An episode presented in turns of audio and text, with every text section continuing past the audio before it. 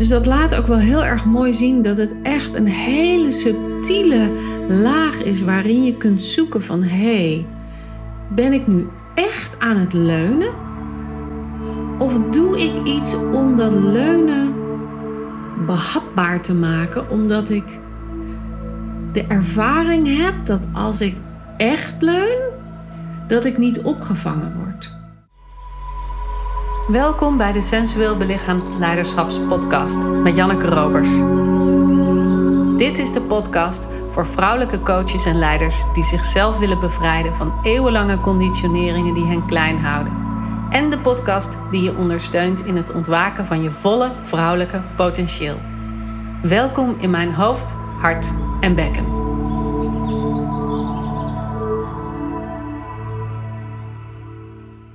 Vorige week had ik progressiesessies met de deelnemers van Voluit Vrouw zijn. Voor wie dat niet weet, Voluit Vrouw zijn is een lichaamsgerichte leiderschapstraining waarin ik je de handleiding van je eigen vrouw zijn laat ontrafelen.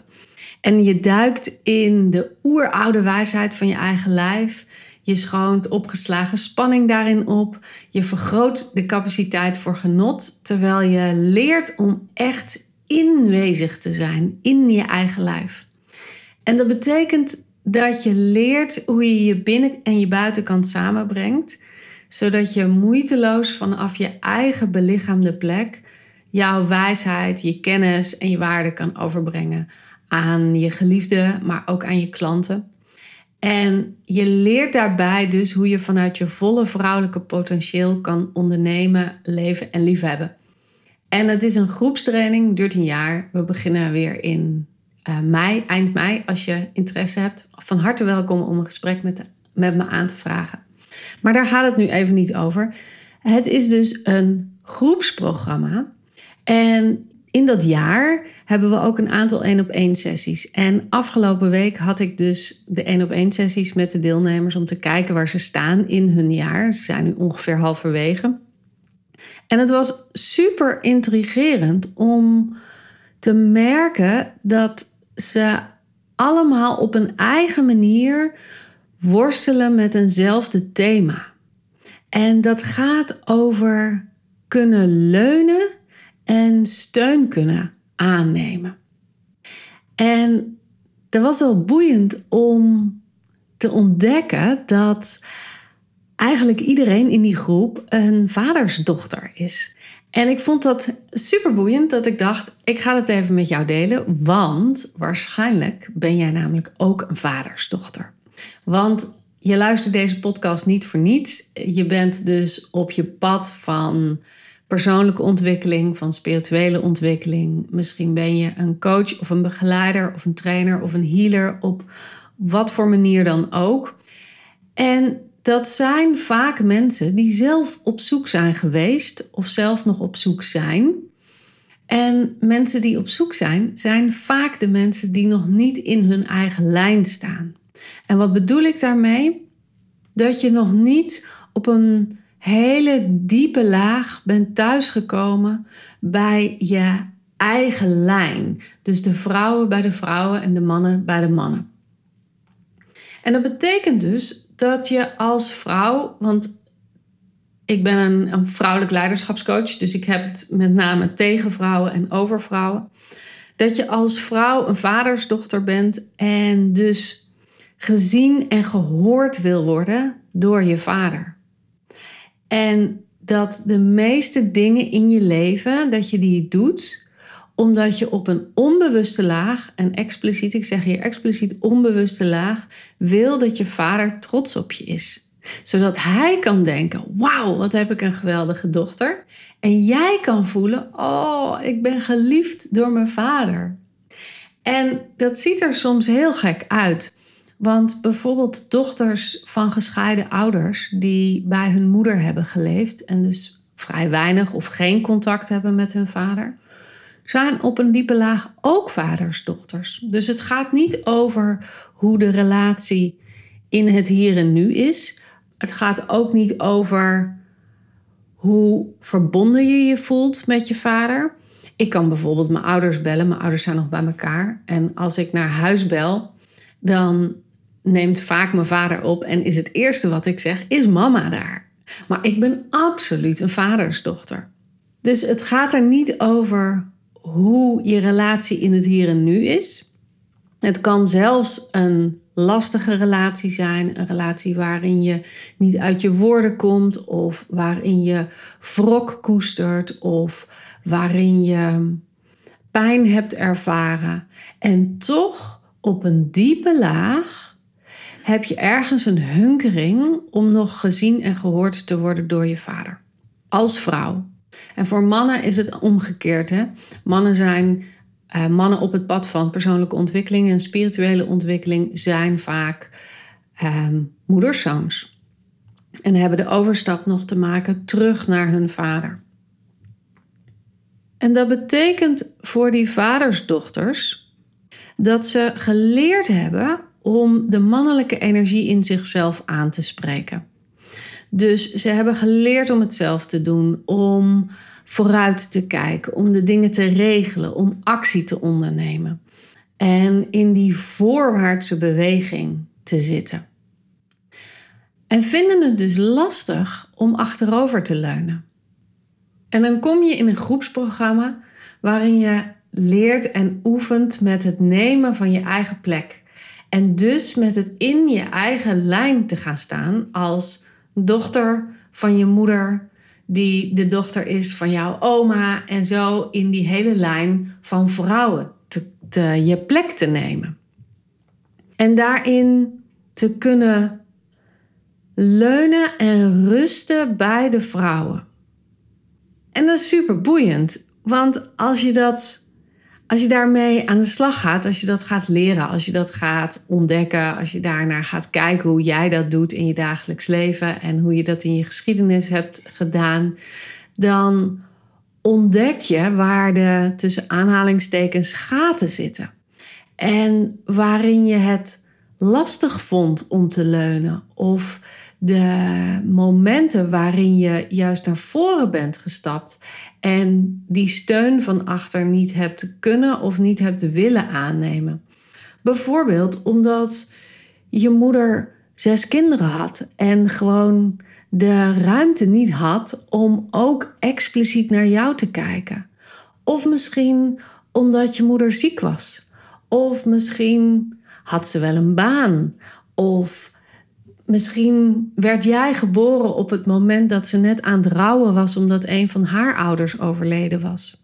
Of misschien had je een vrij gelukkige jeugd, maar was je moeder op een, een of andere manier energetisch bezig met een gemis of een pijn of een misschien wel verloren liefde en kon ze niet aanwezig zijn in het hier en nu voor jou.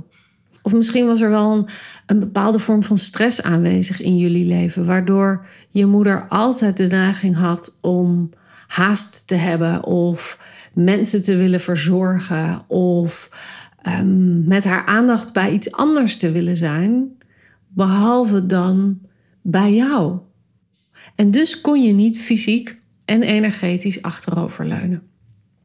En als je dat gaat inzien in zo'n groep, dan ga je natuurlijk ook oefenen met wat is nou gezond gedrag? Hoe doe ik dat nou wel?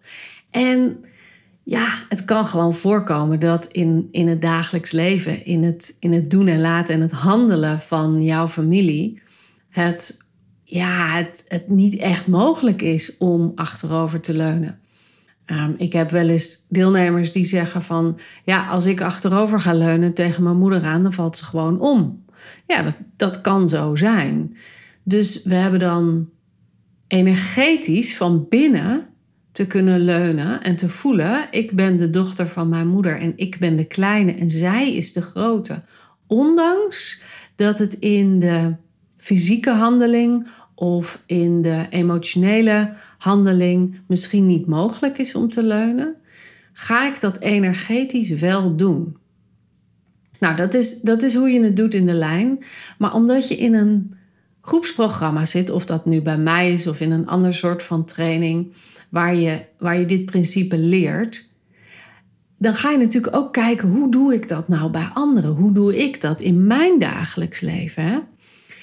Dus je gaat oefenen met. En ik zit even te zoeken naar het juiste woord. Want het, het, het juiste woord in, in mijn optiek zou zijn: je gaat zoeken naar hoe kan je uitreiken naar vrouwen in je omgeving. Maar wat er vaak gedaan wordt, is hoe kan ik leunen bij vrouwen in mijn omgeving. Dus op dat moment dat je in die eerste fase zit van onderzoeken van hoe doe ik dat nu, hoe doe ik dat nu op een gezonde manier, hebben we de neiging om de omtrekkende beweging te maken, als het ware. Dus we gaan niet leunen bij onze echte moeder. Nee, we gaan leunen bij onze medecursisten en bij onze deelnemers in de groep. Omdat we het idee hebben, die kunnen mij misschien wel dragen. Want vroeger kon ik het niet. Dus ik moet het nu op een bepaalde manier oefenen. En dan kan ik het maar beter doen bij mensen waarvan ik denk dat ze me wel kunnen dragen. En daar zit nou net de grootste pijn van je medecursisten. Want dat zijn ook allemaal vaders, dochters. En die hebben ook allemaal te oefenen met dit stuk. En wat er dan gebeurt, is er een soort van. Ik moet er een beetje om lachen eigenlijk. Het, is, wel, het is wel grappig als je dan in een training zit van persoonlijke ontwikkeling en je eigen plek claimen en, en je innerlijke stevigheid hervinden en echt gaan staan op je eigen poten. Dat er een soort van massale collapse is van deelnemers die bij elkaar steun gaan zoeken en het niet vinden. Want dat is natuurlijk het gevolg hè, van het zoeken op een plek waar het niet gezond is om het te vinden, daar vind je het ook niet. Dus proberen te leunen in de horizontale lijn. En wat ik bedoel met horizontale lijn is de mensen die naast elkaar staan. Dus eigenlijk de enige verticale lijn die je hebt um, in verhouding tot andere mensen is de lijn van kind, van ouders, van grootouders, van overgrootouders. Dus dat is een verticale lijn de geschiedenis in, waarbij degenen die eerder dan jou kwamen, tussen aanhalingstekens hoger in de rangorde staan. Dus je bent als kind de kleine en als ouder de grote. Dus als ouder heb je te geven en als kind heb je te ontvangen. En je mag ook ontvangen zonder dat je iets terug hoeft te doen. Hè? Dat is een hele interessante, want we hebben vaak de neiging om iets terug te willen doen, omdat we het grote geschenk van het leven hebben gekregen van onze ouders. Dat is super groot. Dat kun je niet terugbetalen, alleen maar door het door te geven, door zelf kinderen te krijgen en als die kans of die mogelijkheid of die wens er niet is, het door te geven op een andere manier.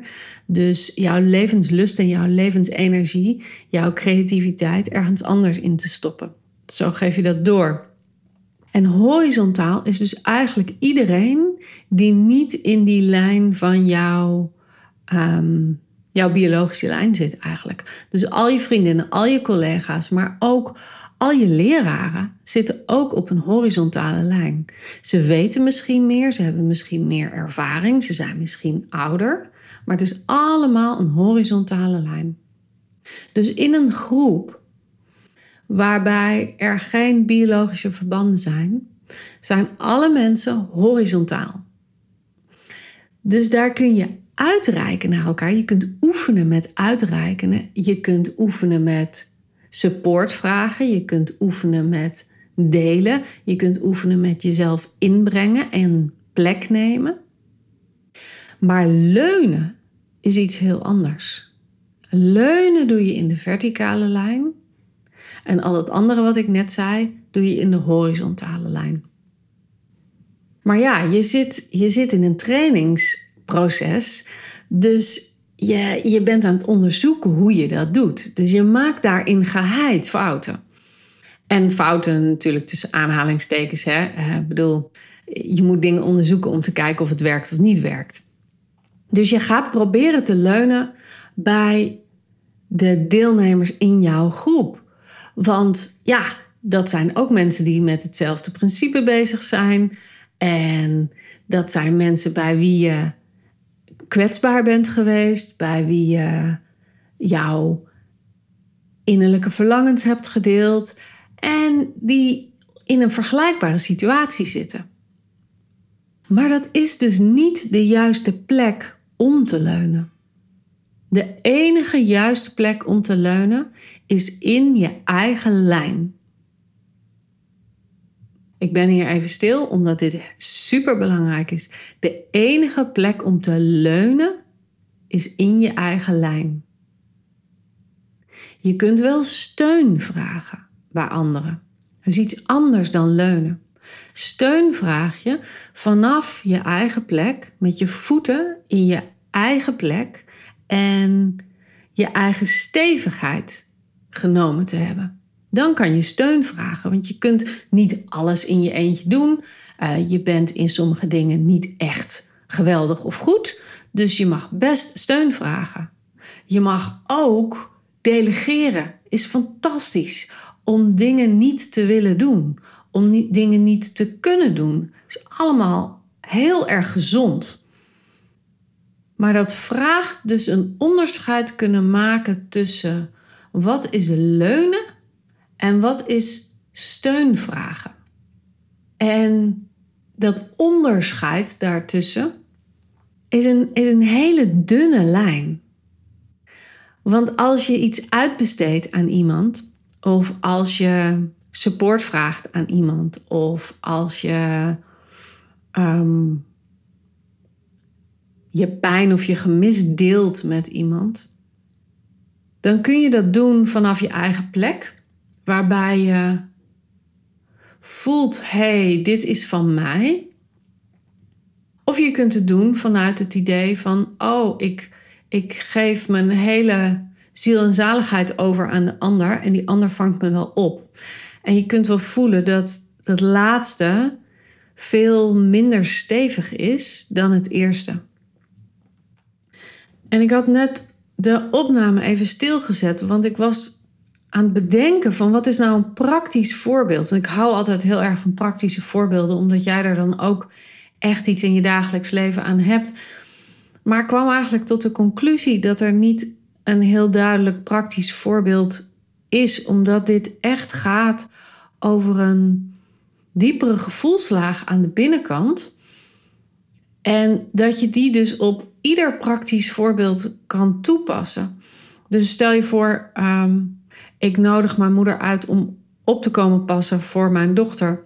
Kan ik dat doen vanuit dat ik echt leun in wat zij mij te bieden heeft, maar kan dat ook doen door het tussen aanhalingstekens uit te besteden.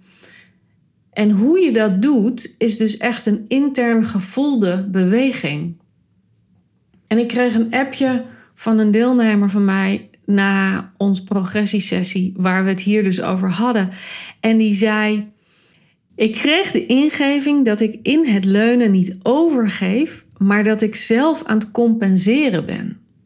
Dus dat laat ook wel heel erg mooi zien dat het echt een hele subtiele laag is waarin je kunt zoeken van hé, hey, ben ik nu echt aan het leunen?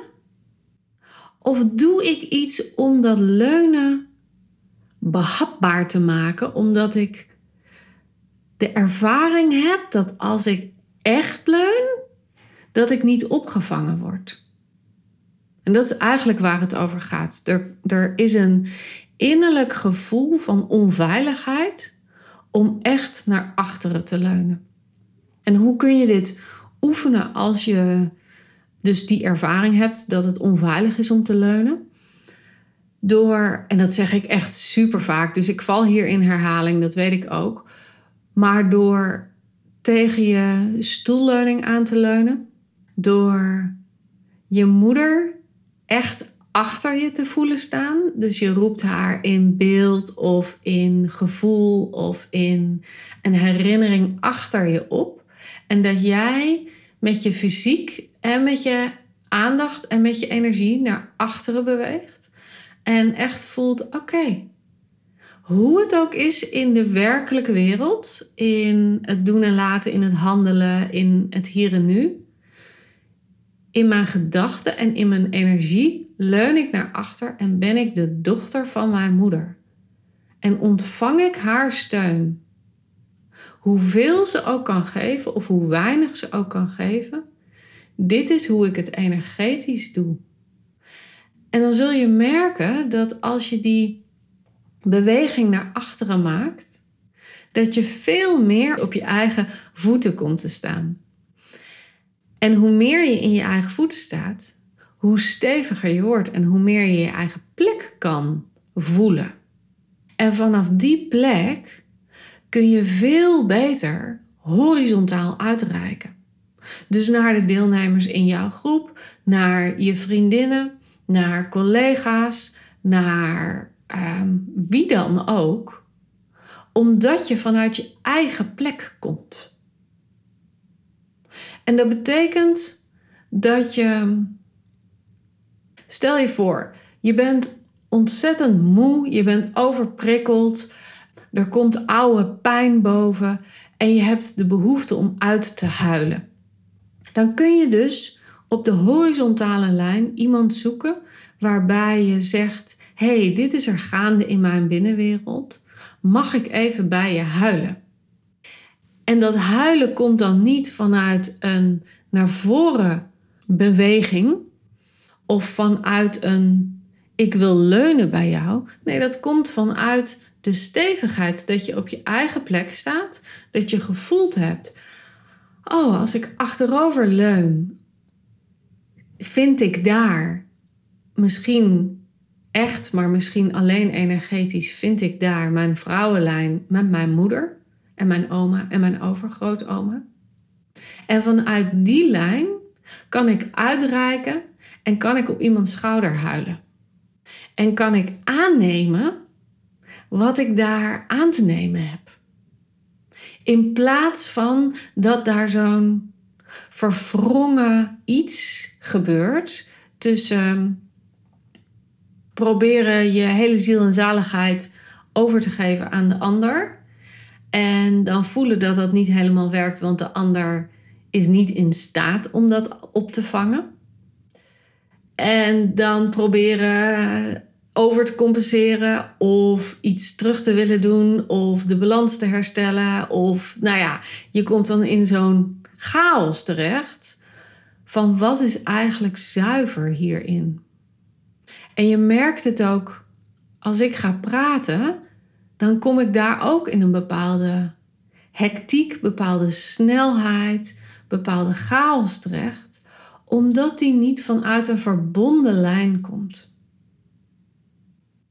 Dus als ik dit nu even samenvat in een paar zinnen, zijn de vrouwen die op persoonlijk ontwikkelingsvlak bezig zijn vaak vaders, dochters.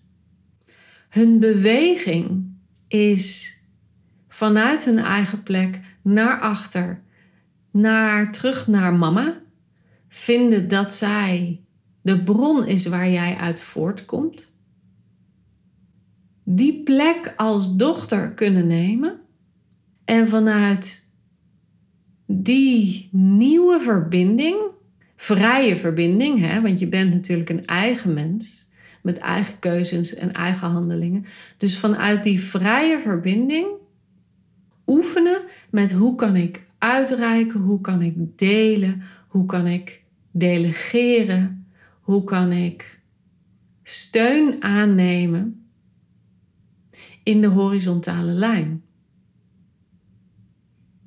Hmm. Ah, dat voelt, het voelt voor mij als ik dit deel al heel stevig. Omdat ik in dit gesprek, want het is niet echt een gesprek, maar in, in dit vertellen ook steeds meer kon voelen waar mijn plek zit. En dat ik steeds meer kan achteroverleunen. En als ik kan achteroverleunen, kan ik ook veel beter weer in de horizontale lijn intappen in jou. Nou, ik denk dat hier ontzettend veel waarde in zit. En ehm, ik ben benieuwd wat jij eruit haalt en hoe jij in jouw leven dit herkent of hoe jouw patronen daarin zijn. Dus rijk gerust even naar me uit. Stuur me een DM op Instagram. Vind ik super leuk om van je te horen, want uh, dit zijn toch hele eendimensionale gesprekken tussen aanhalingstekens. Dus ik vind het echt super leuk om je DM's hierover te ontvangen. Dan is het toch een wat meer een uitwisseling. En um, ontzettend dankjewel voor degenen die mij al zijn gaan volgen en die me al vijf sterren hebben gegeven op Spotify of iTunes. Super, super, super leuk. En als je dat nog niet hebt gedaan, doe dat alsjeblieft even, want het helpt andere vrouwen ook weer om deze podcast te vinden en de waarde daarvoor daaruit te halen voor hun leven en hun klanten. En um, ja, als je benieuwd bent naar het claimen van je eigen plek, het in je eigen stuk gaan staan en de verbinding met je eigen lijn te herstellen om van daaruit jouw eigen kennis en waarde en lichaamswijsheid te kunnen overbrengen naar jouw klanten, naar je geliefden, naar je kinderen. Rijk dan even naar me uit en vraag een gesprek aan voor Voluit Vrouw zijn. We starten 24 mei, zeg ik uit mijn hoofd, eind mei in ieder geval, met een nieuwe groep en je bent van harte welkom. Voor nu wens ik je een hele fijne dag, middag of avond en uh, graag tot de volgende aflevering. Doei doei!